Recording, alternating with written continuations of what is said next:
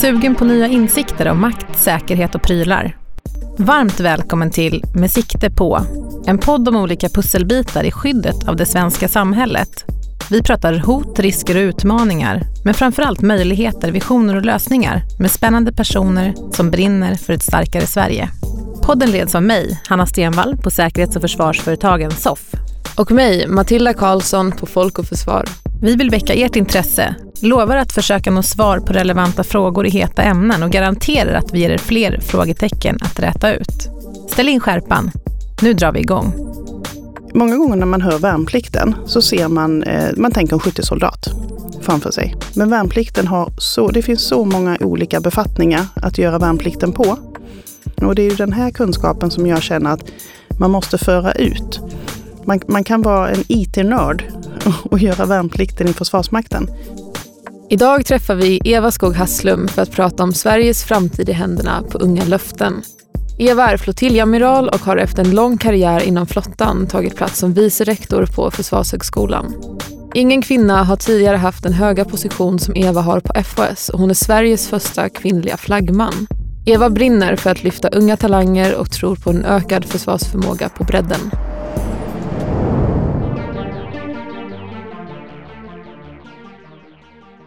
Välkommen Eva! Tack så mycket.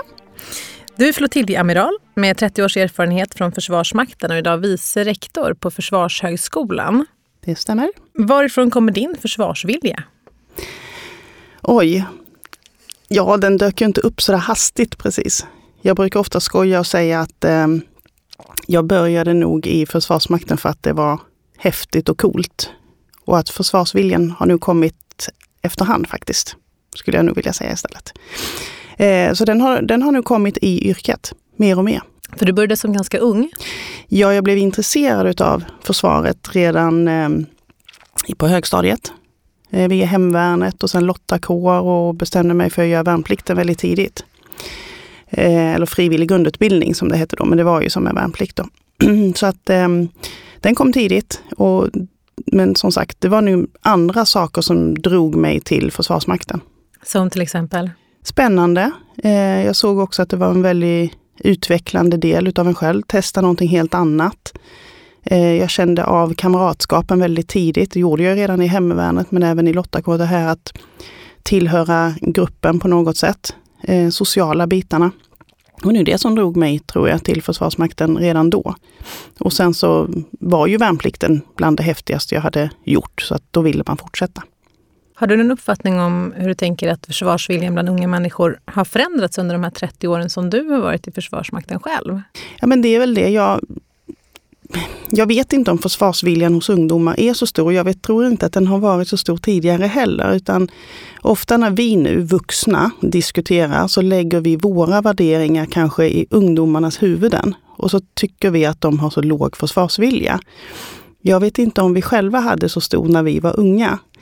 Ehm, så ofta så sätter vi våra egna värderingar och upplevelser och all den erfarenhet som vi har efter ett antal vuxenår i ungdomarnas huvuden. Och så tycker vi att inte det är så bra.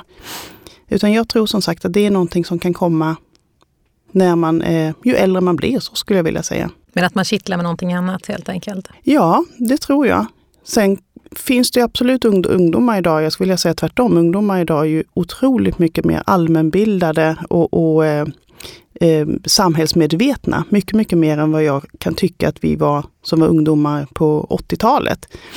Eh, så att det finns ju en stor vilja bland många ungdomar, men om man generaliserar så, så tror jag inte att kunskapen om Försvarsmakten och totalförsvaret är så stort. Men som sagt, det tror jag aldrig att det har varit. Mönstringsplikten i Sverige försvann i praktiken 2010. Mm. De senaste åren har personalförsörjningen varit en stor utmaning för Försvarsmakten. Eh, och nu när mönstringsplikten kommer återinföras, eller den har återinförts precis, eh, så kommer det vara i, i en ny form. Hur tror du att värnplikten 2.0 kommer skilja sig från förr? Ja, det är ju inte numerärt så är det ju inte väldigt stor skillnad jämfört med då 2009 när vi inte hade speciellt många värnpliktiga som kom in heller. Så att om jag kan sända något budskap så kan man ju säga att det är ju inte 100 000 ungdomar som kommer varken att mönstra eller göra värnplikt. Det är ju väldigt liten del utav vår population, alltså årskullen som kommer att göra det. Värnplikten som sådan, eh, alltså rent utbildningsmässigt, har ju förändrats väldigt mycket och den förändras ju hela tiden. Ehm, Lite grann samma paralleller som vi lägger ofta andra värderingar. Vi säger värnplikten igår och då kan vi inte säga att värnplikten på 60-talet såg likadan ut som den gjorde på 80 och 90-talet. Det, det förändras ju hela tiden. Eh, och vi med den, skulle jag vilja säga. Det skulle vara konstigt om inte värnplikten utvecklas. Men den är professionell. Eh, den grundutbildning som man ger idag, som är mellan 9 och 11 månader, den utbildningen eh, motsvarar ju de kraven man har för att sen kunna krigsplacera eh, en individ. De individerna kan ju också välja att söka sig vidare i Försvarsmakten, alltså en anställning som soldat eller sjöman eller gå vidare inom officersyrket på något sätt. Då. Vilka är de största utmaningarna som du ser just nu när man återinför värnplikten igen? Eh, det är att tvätta bort fördomar om Försvarsmakten. För det upplever jag är väldigt stort. Alltså kunskapen om Försvarsmakten, kunskapen om totalförsvaret inte är så stor eh, bland våra medborgare. Så det är nog den största utmaningen vi har. Eh, att marknadsföra vårt yrke. För att som sagt, jag tror att det bygger väldigt, vår uppfattning bygger mycket på fördomar.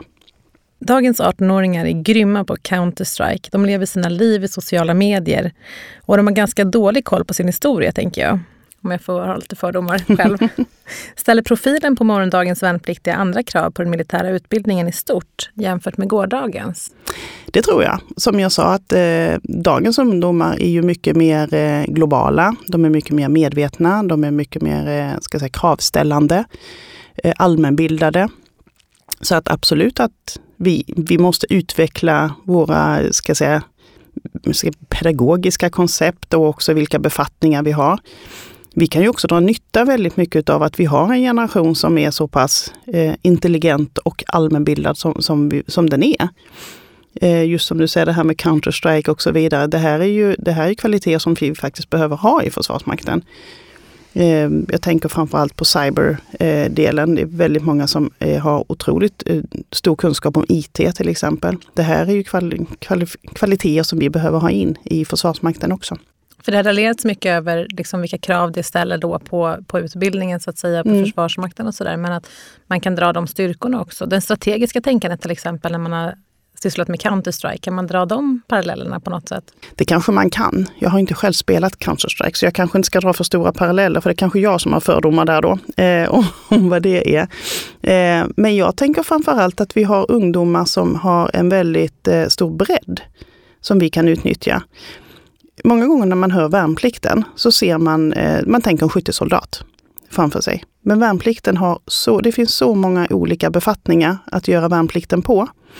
Både som tekniker, som operatör, du kan vara till sjöss, du kan sitta i stridsfordon, du kan flyga. Alltså, det finns så, så otroligt mycket sätt, olika befattningar i Försvarsmakten. Och det är ju den här kunskapen som jag känner att man måste föra ut. Att eh, man, man kan vara en IT-nörd och göra värnplikten i Försvarsmakten. Eh, som sagt, det, finns, det, det, är så stor bredd. Men fördomarna ser nog bara en, en skyttesoldat. En i kamouflageuniform som ligger och krälar i lera ungefär. Hur viktigt är det att sälja in utbildningen tänker jag, till de unga? För jag tänker att det är lätt att fokusera på varför det är viktigt för samhället. Mm. Men varför det är viktigt för individen och vad man vinner på? Ehm, det tror jag är viktigt, absolut. Och det är väl återigen att känna det här eh, ansvaret för samhället. Eh, det tror jag inte bara har med Försvarsmakten att göra, utan jag tror att vi måste utbilda våra ungdomar i att bli samhällsmedborgare. Alltså tycker vi nu att samhället är viktigt att värna om och vårt land och vår demokrati och vår frihet, så måste vi också ha den typen av utbildning i skolorna. Nu säger inte jag att Försvarsmakten ska komma och utbilda i det här, men kanske det är så att våra SO-lärare ska få någon form av totalförsvarsutbildning. Jag tror vi måste börja där. Utbilda våra ungdomar i, i vad samhällsansvar innebär. Börja i grundläggande värderingar och inte i den militära förmågan egentligen? Ja, det tror jag. Och som sagt, det har ju med samhällsbyggandet som sådant att göra. Det är ju det är inte bara i Försvarsmakten utan det är totalförsvaret som sådant som är, som är viktigt att utbilda i. Hur stor är frågan om ökad mångfald i lumpen i planeringen av värnplikten 2.0? Blir den mer relevant och attraktiv för, ex för exempelvis kvinnor och utrikesfödda? Den är väldigt eh, viktig. Jag tycker att det är viktigt. Vi pratar ju ofta om att vi ska spegla samhället. Det är väldigt viktigt. Eh, det är också viktigt att det inte det blir vi och dem. vi i Försvarsmakten och sen övriga befolkningen. Utan det är viktigt att det här är någonting som hela samhället ställer upp på och, och är delaktiga i. Ehm, I och med att vi har en könsneutral eh, mönstring nu och, och värnplikt så tror jag att det kommer att öka andelen kvinnor. Tyvärr såg jag inte lika många kvinnor som jag hade hoppats på nu när eh, mönstringen drog igång. Det var ju faktiskt bara 25 procent kvinnor som kallades till mönstring. Eh, vad det beror på det, det, kan man ha olika teorier om då. Jag har väl kanske mina egna. Men, men eh, det är, jag tror att det kommer öka. Det, vi kan se det på vårt gamla Norge faktiskt. Där har det ökat. Där har andelen kvinnor ökat eh, som gör värnplikt där nu 25 procent. Från 17 på ett år. Så att eh, jag tror att vi kommer att gå samma väg. När det gäller utrikesfödda så där är, kravet är ju svensk medborgare, så det är ju den första delen man, man ska komma över då, att bli en svensk medborgare. Då. Och när man väl har blivit det så hoppas jag verkligen att vi kommer att bedriva ska säga, rekryteringskampanjer lika mycket eh, ute där, där de här kanske mer finns representerade i, på de platserna. Just för att öka intresset då. För det är viktigt. Vi pratade lite grann om det innan här, hur intresset för Försvarshögskolan har ökat. Mm. Kan du berätta helt kort om hur du ser utvecklingen där? Ja, det är ju fantastiska arbetsplatser att jobba på. Eh, det, är, det går riktigt bra. Det är eh, en stor eh, sök, söktrycket är väldigt, väldigt stort på våra civila utbildningar. Vi ökade på höstintagningen här nu upp till 8 procent. Bara ökade. Så att det är, det är en väldigt, ska jag säga, kompetent eh, eh kompetensen som kommer in på skolan är ju väldigt, väldigt hög. Det ställer väldigt krav på, på, eh, på lärarna. Så det är positivt. De är eftertraktansvärda. Vi håller ju på just nu att invänta om vi får vårt tillstånd till forskningsrättigheter. Och då kommer vi även att lämna eh, och ge masterutbildningarna och, och även nu kunna ha doktorander som är våra egna. Då hoppas vi komma innan årsskiftet och det blir ytterligare ett kliv upp på det sättet för, liksom ett, eh, för högskolan. När det gäller de militära utbildningarna så gör vi om dem och vi har också sett ett ökat söktryck på officersprogrammet.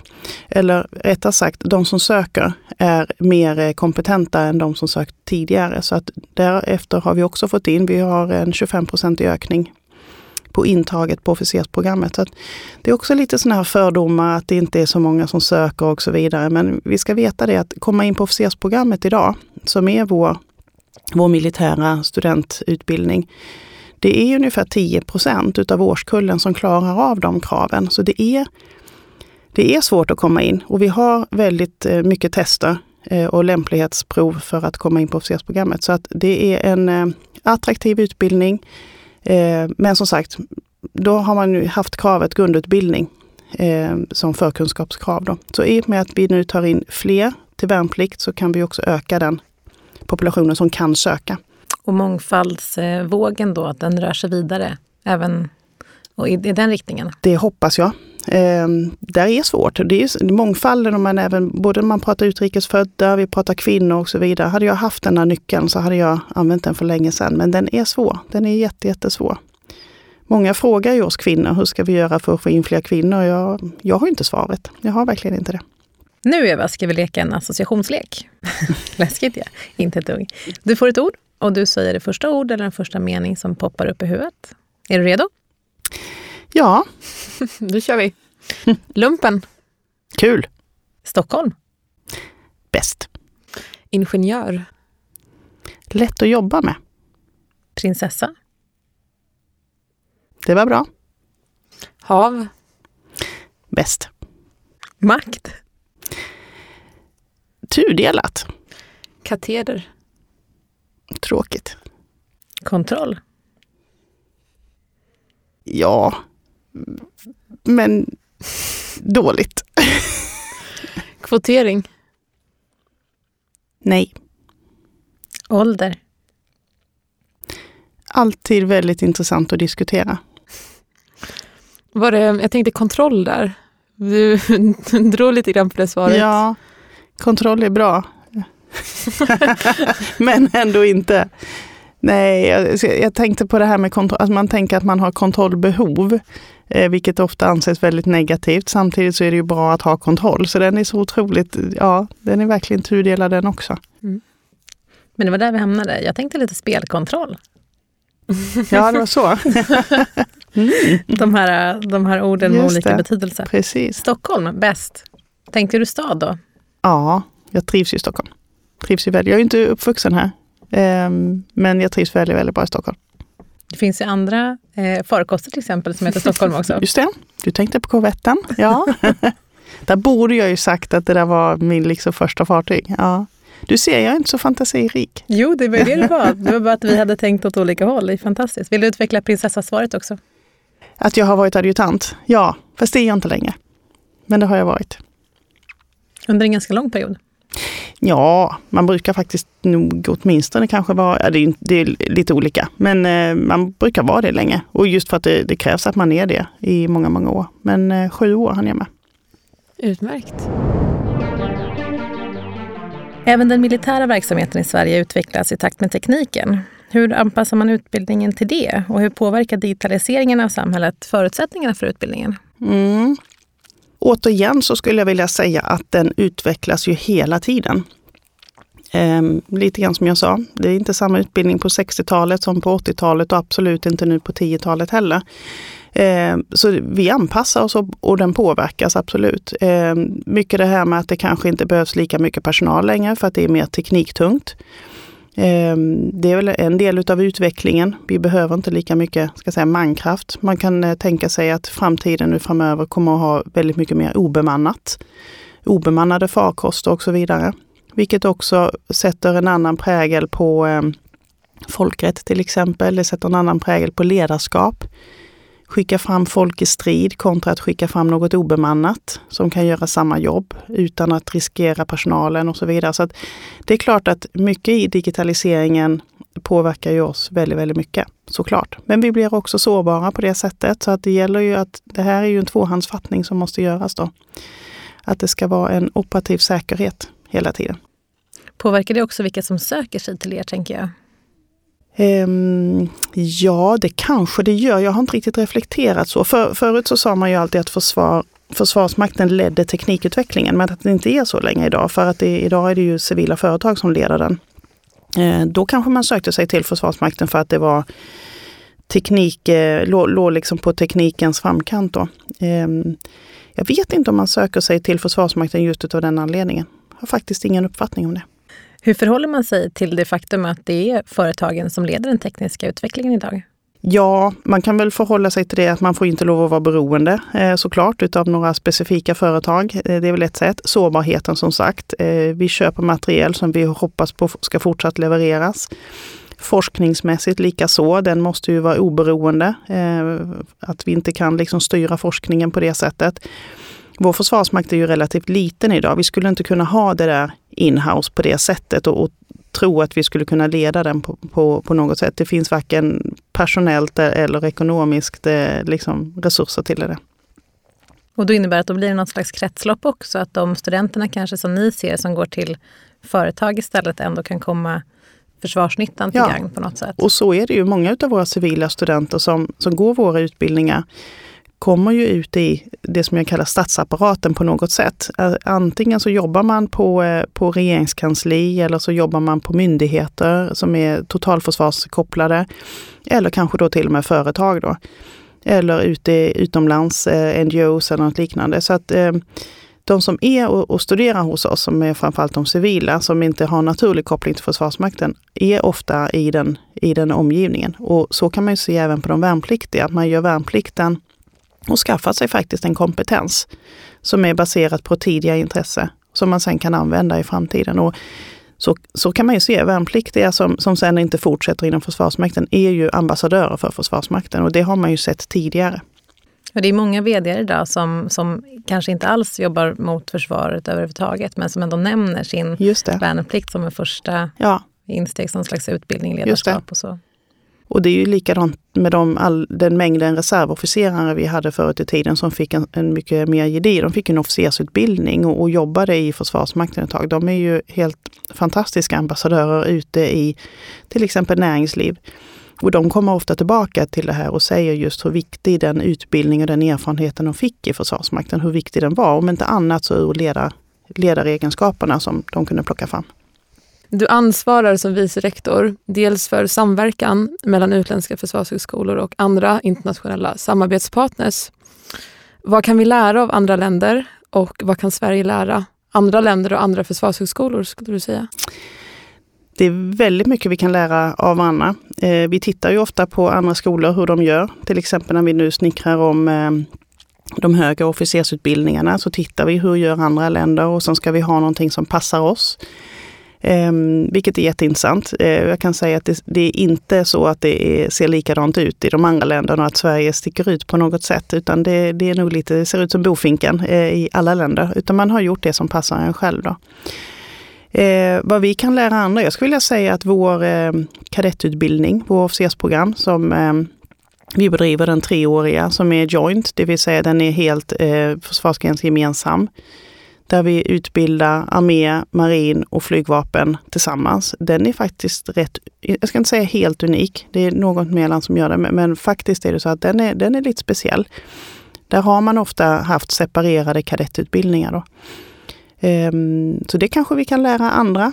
Sen, eh, sen är ju Sverige unikt på många sätt. Vi sticker ju ut på, på, eh, i flera undersökningar som man gör. Där, där är ju Sverige en, ett land som är står högt upp på många listor när det till exempel gäller jämställdhet och så vidare. Eh, och jag tror att eh, det är också någonting som vi kanske kan eh, bringa lite mer kunskap om i andra länder. Är det, är det några särskilda länder vi, vi samarbetar extra mycket med på, i olika frågor till exempel? Mm, när det gäller själva försvarshögskola, alltså den typen av utbildningar med olika universitet, så är det ju alltid intressant att titta på USA såklart. Vi har ett bra samarbete med Baltic Defence College och även Finland. Eh, Finland är ju en stor samarbetspartner även rent försvarsmaktsmässigt då, men även för oss för högskolan. Eh, det finns andra länder som till exempel Polen och liknande som, som är intressanta eh, samarbetspartner, absolut, som vi, som vi jobbar mycket med. För att inte tala om all forskning då, för den är ju då, den, den är, det är ju det andra benet. Då. Utbildningen är ju en sak när vi tittar på, men sen är det då vår forskning då som och där är ju samarbetet ännu, ännu större med, med ännu, ännu fler. Och som sagt, och det är ju meningen, den ska ju vara väldigt bred och inte styrande. Finns det något håll man kan titta för att se liksom, alltså någon slags innovationsgrad? Eller varifrån får man de här aha-upplevelserna? För du pratar mycket om de som är väldigt lika oss idag, mm. som man mm. jobbar mycket med. Mm. Jag tänker åt andra hållet då? Mm, där de sticker ut. Och det, det är väl det som är det svåra. Att ta till sig någonting som är så, så olikt oss själva och göra någonting bra utav det. Det är ju lätt att titta till exempel på Norge nu när de har återinfört sin könsneutrala värnplikt och så tittar man på deras undersökningar de gör och så försöker man ta hem de goda exemplen till oss. Men det är ju svårt att, att titta på ett annat land. Alltså vi, jag tänker att vi eh, skulle titta på något eh, asiatiskt land eller något liknande så är det svårt att jämföra många gånger. Även om vi har ett samarbete. Vi har till exempel ett bra samarbete med Sydkorea men det, det är intressant. Det, det är otroligt mycket olikheter oss emellan som gör då att man kanske inte riktigt kan ta hem de erfarenheterna. Men det är otroligt intressant också att lyssna på eh, hur de gör. Mm.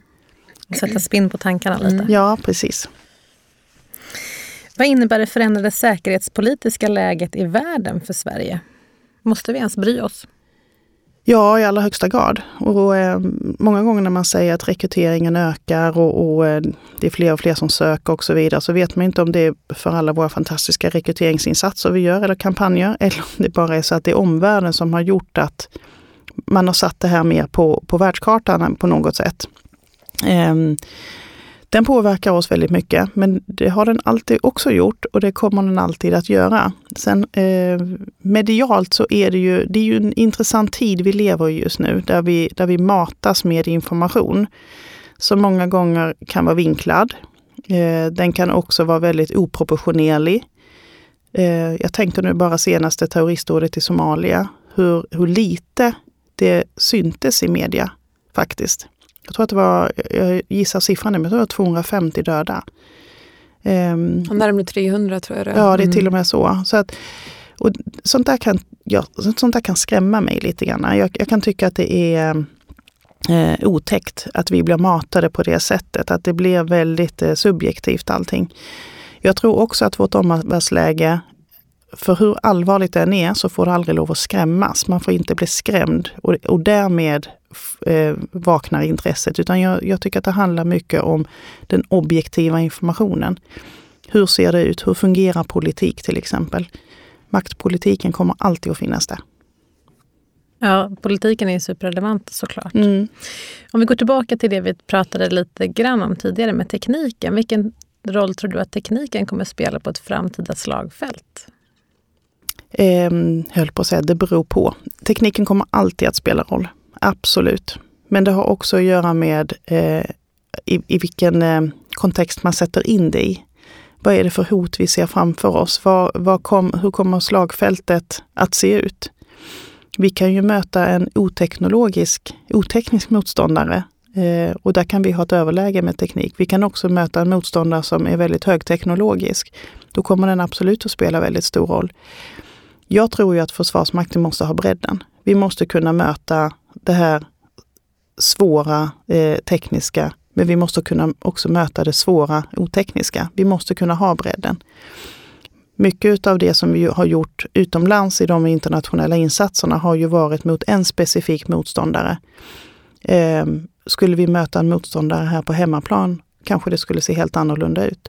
Så att man kan alltid säga att den kommer absolut att spela roll.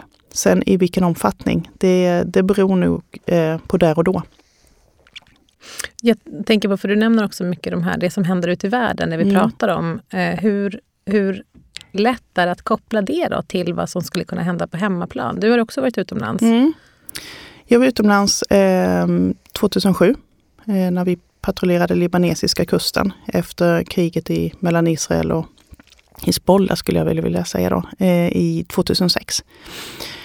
Eh, jo, det är klart att det, de insatserna som vi har gjort utomlands har ju spelat en enormt stor roll för vår förmåga eh, i Försvarsmakten. Vi har ju lärt oss väldigt mycket om vår organisation, om vår taktik och så vidare. Sen säger inte jag att vi kan ta hem den taktiken och genomföra samma sak hemma. För att det är två olika vad ska jag säga, slagfält. Eh, två olika operationsområden eller flera olika operationsområden. Men, men att vi har varit ute internationellt har spelat väldigt, väldigt stor roll. På många plan. Varför behöver vi en värnplikt? Alltså värnplikten behövs för att öka numerärer i förbanden. Det är många förband idag som inte kan öva för att man är inte tillräckligt många. Eh, och jag tänker framförallt på, på armén som har behov av större numerär. Då. Och jag säger också att värnplikten är inte ett sätt att rekrytera. Utan värnplikten är just ett sätt att kunna öva vår, vår förmåga i Försvarsmakten. Däremot så eh, finns det en bonuseffekt med värnplikten. Att i och med att vi ökar på numerären så kommer ju fler att kunna rekryteras. För att ställer jag frågan bland framförallt mina manliga kollegor idag, när blev du intresserad av att bli officer? Då säger nästan alla, skulle jag säga, eh, kanske åtminstone 80 procent säger det var när jag gjorde lumpen.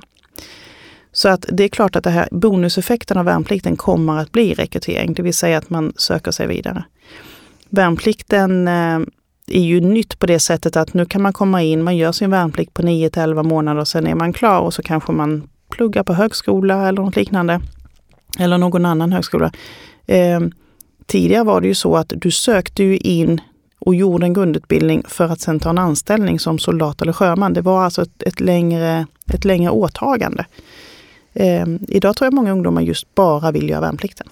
När vi pratar om övning, hösten 2017, så måste vi kanske nämna Aurora i alla fall. Mm, mm. Hur har det påverkat de ungas inställning tror du? Det var ju också lite medialt då. Den, eh, den marknadsfördes ju bra både före, under och man har även talat om den efter. Jag tror att den här stora försvarsmaktsdagen som var på Gärdet, som i och för sig blir väldigt isolerat Stockholms eh, händelse.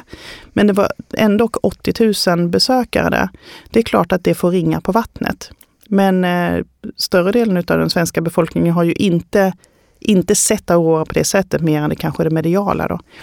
Eh, den, den, eh, den har haft väldigt bra och positiv effekt skulle jag vilja påstå. Just det här att vi behöver öka vår förmåga. Och den tror jag att gemene man i Sverige har nog eh, förstått det budskapet, att vår förmåga måste öka. Tror du att en övning som Aurora kan bidra till, till just försvarsviljan bland ungdomar?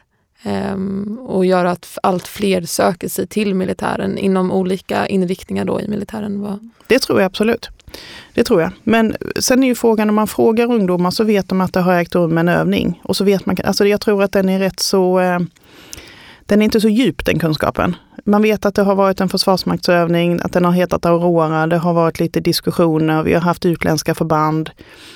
Men jag vet inte, återigen, för jag har ju ungdomar, jag har ju två söner som är 14 och 19. Jag frågar ju mycket deras kompisar och så vidare. Nu kanske inte de är något rättesnöre på det sättet, men andra ungdomar man frågar, jag tror att kunskapen är inte så djup ändå. Vi, vill, vi som är intresserade vill nog gärna tro det. Men jag tror att de många, eh, framförallt äldre, tycker att det här har varit väldigt positivt att vi äntligen nu på väldigt många år har genomfört en försvarsmaktsövning. Och att behovet av försvars, försvarsförmåga ska öka, den, den tror jag är rätt så stor, den uppfattningen. Och ungdomar kan absolut lockas av de mediala eh, utspelen som har varit. Avslutningsvis, mm. om du får önska en sak som politiken löst ut, vad skulle det vara? Det är ju tråkigt att säga mer pengar till Försvarsmakten, eller hur? det är nästan som på beställning. Men det behövs ju såklart mer resurser till Försvarsmakten, det gör det. Vi behöver bli fler. Eh, så pengar i form av att vi behöver anställa mer personal. Tusen tack. Verkligen, tusen tack för att du Tackar kom. Tackar själv. Tack.